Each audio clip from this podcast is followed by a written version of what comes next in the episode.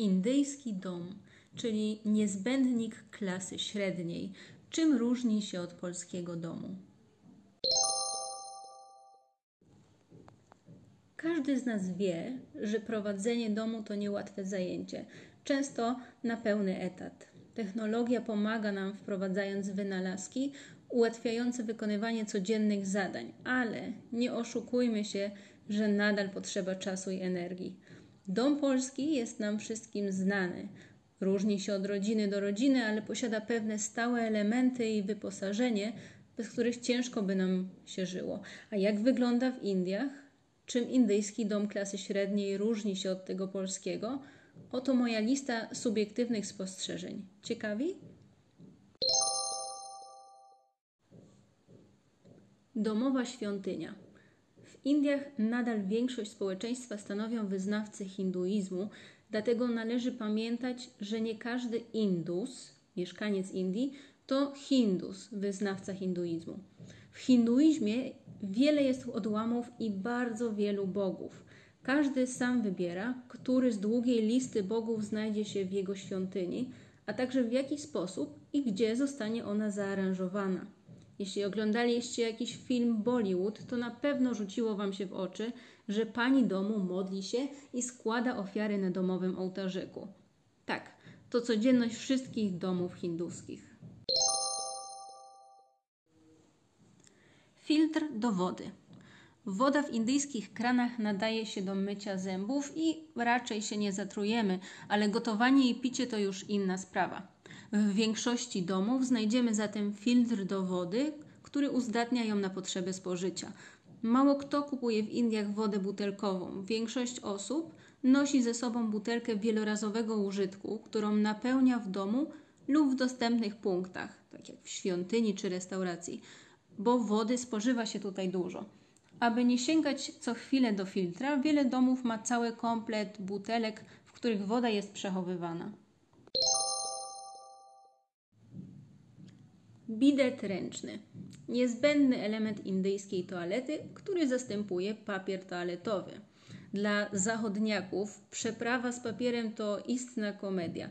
Zaklejony tak, że pół rolki się rozwali, zanim człowiek pozyska upragniony listek, a do tego cienki i przeważnie w małych rolkach. Dodatkowo może uderzyć nas zapach, bo mimo, że jest biały, to jak większość papierowych produktów w Indiach wykonany jest z papieru przetworzonego, odzyskanego w magicznym procesie recyklingu. W większości hoteli znajdziemy papier toaletowy, ale w domach już nieczęsto. W Indiach stosuje się bidet ręczny, którym możemy się umyć, a także wyczyścić toaletę. Po co dodatkowo zanieczyszczyć środowisko? No i jest duża oszczędność. W większości miejsc kanalizacja jest bardzo wąska, więc spore ilości papieru doprowadziłyby do katastrofy ekologicznej. Miotła zamiast odkurzacza. Posiadanie dywanu to niepotrzebny wymysł w indyjskich warunkach. Okna otwarte są przez większość dnia, a przez nie wpada masa niewidocznego pyłu i brudu. Indusi uznali, że najlepszym wyjściem jest więc miękka miotła z trawy. Tania, lekka, ekologicznie wykonana i nie marnuje prądu. Zamiatanie to w Indiach codzienność i w domach, i na ulicach. Mop. Równie niezbędny jak miotła. Oczywiście podłoga powinna być myta codziennie, więc typowy zestaw polskiego mopa z wiadrem nie wchodzi w grę, bo za szybko się niszczy i zbyt dużo kosztuje. Woda z płynem lądują w wiadrze, a mop wygląda jak mop przemysłowy. Kupiony, nowy i bielutki, już po tygodniu używania robi się szary od tutejszego kurzu. Gniazdko, wtyczka elektryczna. Oczywiście układ gniazdka jest inny niż w Polsce, ale niech nas to nie martwi, bo w większości miejsc gniazdko jest przewidziane także na polskie wtyczki. Większość indyjskich urządzeń elektrycznych jest na trzy bolce, więc nie do użycia u nas. Dodatkowo wiele osób kupuje wtyczki z włącznikiem. Jest to dobre i bezpieczne rozwiązanie w kraju, w którym wyłącza się prąd średnio trzy razy dziennie, a czasami po włączeniu zmienia się jego natężenie. Korzystamy z gniazdka, włączamy. Nie korzystamy, wyłączamy. Oszczędzamy energię. Wiatrak, klimatyzacja. W Indiach potrafi być zimno, o czym przekonał się każdy lądujący w Delhi w styczniu, ale większość roku jest ciepła lub gorąca. Indie są ogromne. 3 miliony 280 tysięcy kilometrów kwadratowych, więc pogoda w poszczególnych regionach się różni. Ale kiedy jest gorąco, to jest naprawdę upalnie, więc minimum wyposażenia domu to wiatrak pod sufitem, a częściej klimatyzator.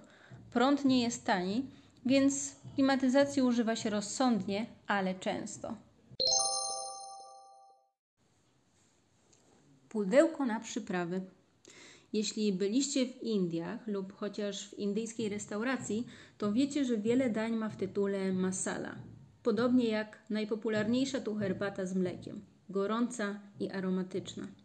Na półkach sklepowych pełno jest opakowań z taką czy inną masalą, a to nic innego niż mieszanka przypraw.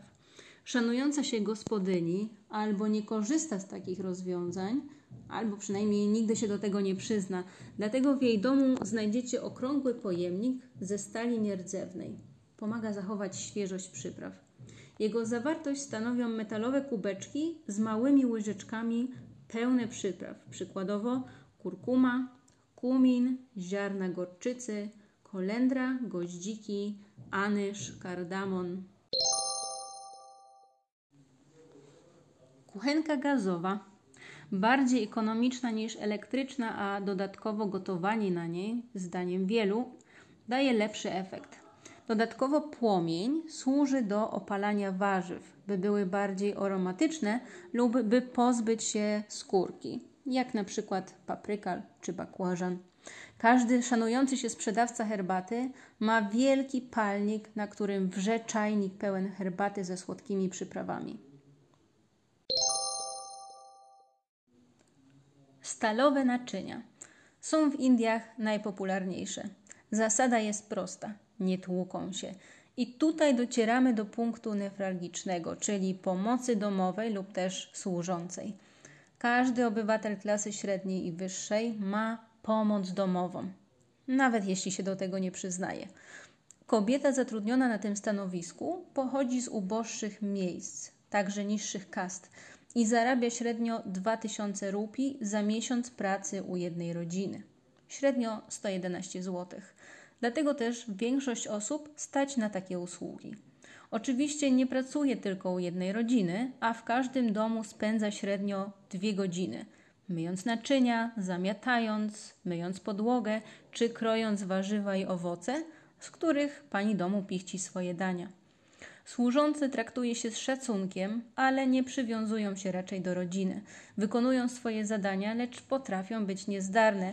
Dlatego wiele rodzin wyjmuje lepszą zastawę tylko na specjalne okazje, a na co dzień korzysta ze stalowych lub aluminiowych talerzy i kubków. Tekst Aleksandra Zalewska. Czytała Aleksandra Zalewska. Dziękuję za uwagę i zapraszam na kolejny podcast.